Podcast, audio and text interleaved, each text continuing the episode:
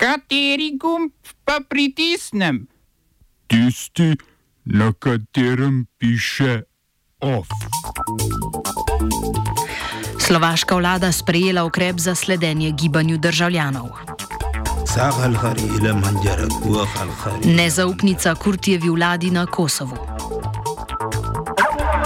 Državni svet se odreka vetu na interventne ukrepe.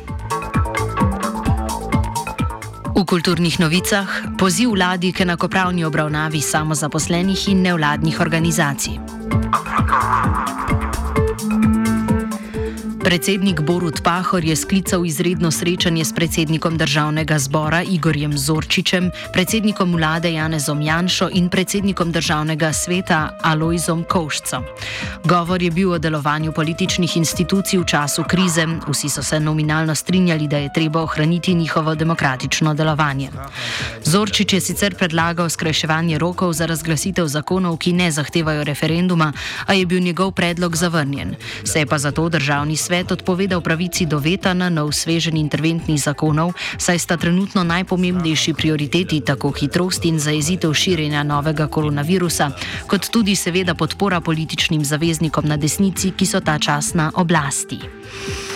Linda Linda Sodišče Evropske unije ne bo odločalo o skladnosti polskega zakona iz leta 2017 s pravom Evropske unije, ki vladi med drugim omogoča odpuščanje sodnikov. Kontroverzne reforme so v preteklosti vodile do disciplinskih ukrepov zoper sodnike, ki so reforme javno kritizirali, pa tudi zgolj nosili majice z zloveščim napisom Konstitucija, ustava. Sodišče EU je leta 2019 za ilegalnega razglasilo polski zakon, ki znižuje starost, pri kateri morajo sodniki vrhovnega sodišča v pokoj. Ob tem pa si predsednik pridržuje pravico do petletnega podaljšanja mandata zvestemu podložniku. Poleg tega je Evropski parlament konec leta 2017 sprejel resolucijo, v kateri je ugotovil, da v primeru polskih sodnih reform obstaja tveganje hujših kršitev vrednot EU in proti Polski sprožil postopek po sedmem členu pogodbe o EU. Ta, ukolikor kršitve niso odpravljene, predvideva odzem glasovalnih pravic Polski v svetu. Evropske unije, a je zato potrebno skoraj nemogoče soglasje predstavnikov vseh držav članic.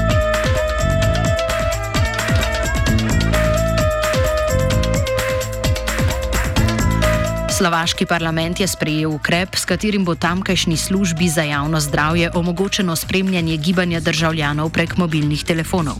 Tako bodo ugotavljali, ali ti kršijo pravila karantene.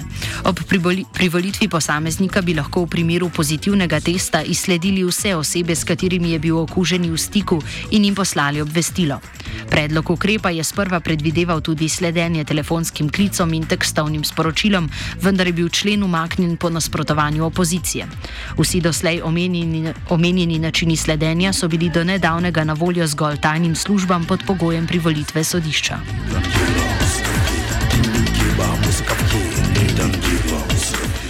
Podoben ukrep želi uvesti tudi hrvaška vlada. Prejšnji teden je vladajoča HDZ predlagala spremembo zakona o elektronskih komunikacijah, vendar želijo tako poslanci kot tudi varuhinja človekovih pravic predlog dopolniti, tako da bodo primeri, v katerih je sledenje dovoljeno, nedvoumno definirani. Poslanci niso enotni glede postopka, po katerem bi bil lahko ukrep sprejet, saj ta posega v ustavne pravice državljanov. Tako je predsednik Hrvaškega sabora Goran Jandrokovič napovedal posvet svet z ustavnim sodiščem.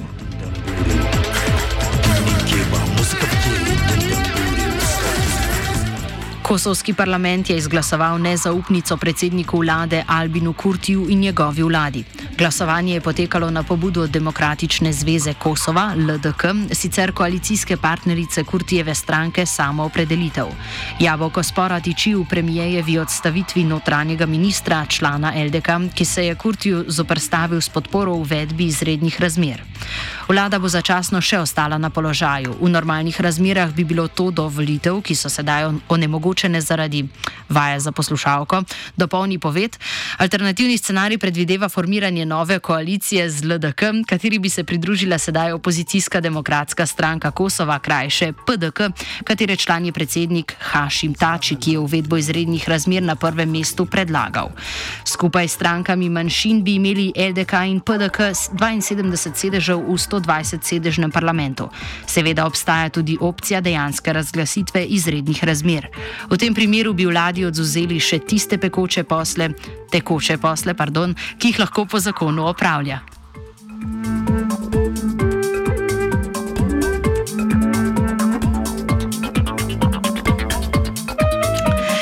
Nezaupanje je prisotno tudi v brazilski politični sferi. Governerji tamkajšnjih zvezdnih držav so se namreč postavili po robu predsedniku Žairju Bolsonaru, ki želi odpraviti omejitve gibanja. Te so za svoje zvezdne države oziroma mesta uvedli guvernerji in župani. Bolsonaro, sklicujoč se na ameriškega predsednika Donalda Trumpa, namreč želi ponovno zagnati ekonomijo. Guvernerji so, so napovedali, da tega ne bodo storili, na kar je Bolsonaro ukrepe, kot je zaprtje mest, označil za zločin način. Več o bitki za nadzor nad mesti in regijami največje južnoameriške države v offsajdu ob 17. Lindon. Lindon.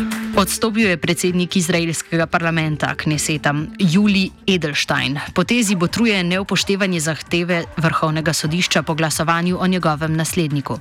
Po treh krogih volitev je namreč Benju Gancu, predsedniku modrobelega zavezništva, uspelo dobiti načelo, načelno podporo 61 poslancev, kar bi mu omogočilo sestavo vlade.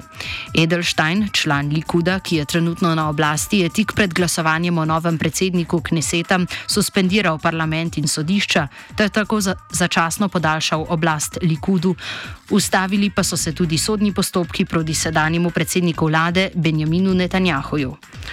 Prepovedim zbiranje na vkljub se je tako prejšnji teden pred parlamentom zbralo več sto ljudi, vrhovno sodišče pa je Edelsteinu naložilo izvedbo glasovanja. Ta je odstopil potem, ko je vrhovno sodišče obtožil umešavanje v zakonodajno oblast, s tem pa ukradel še nekaj časa Ganču, kateremu je izraelski predsednik dal mesec časa za sestavo vlade.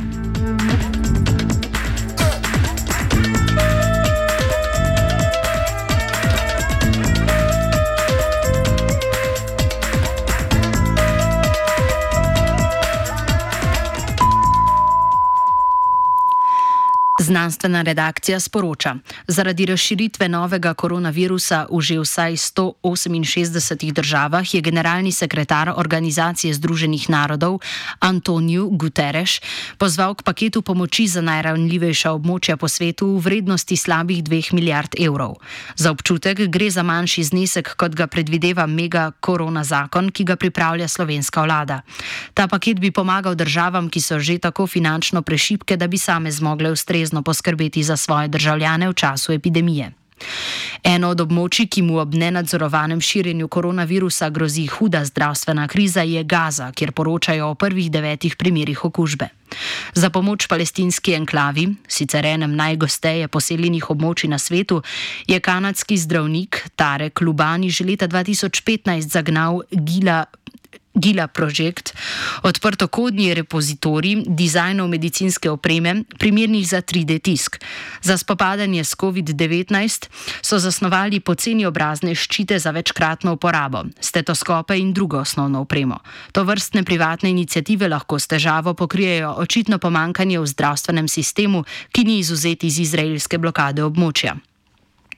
Gaza s skoraj dvema milijonoma prebivalcev se sooča s pomankanjem testerjev, bolnišnice pa še niso pripravljene za sprejem večjega števila obolelih. Zaradi izraelske blokade območje pestijo tudi slaba opremljenost, revščina, disfunkcionalna infrastruktura in odvisnost od humanitarne pomoči. Izrael se na pojav koronavirusa uradno še ni odzval, poglobitev krize pa je lahko še dodaten razlog za izolacijo palestincev, katerim tankajšnji apartheid že tako ali tako močno omejuje prosto gibanje. Palestinska oblast v Gazi je sicer že sprejela nekatere ukrepe, naprimer zaprtje šol in delno policijsko uro.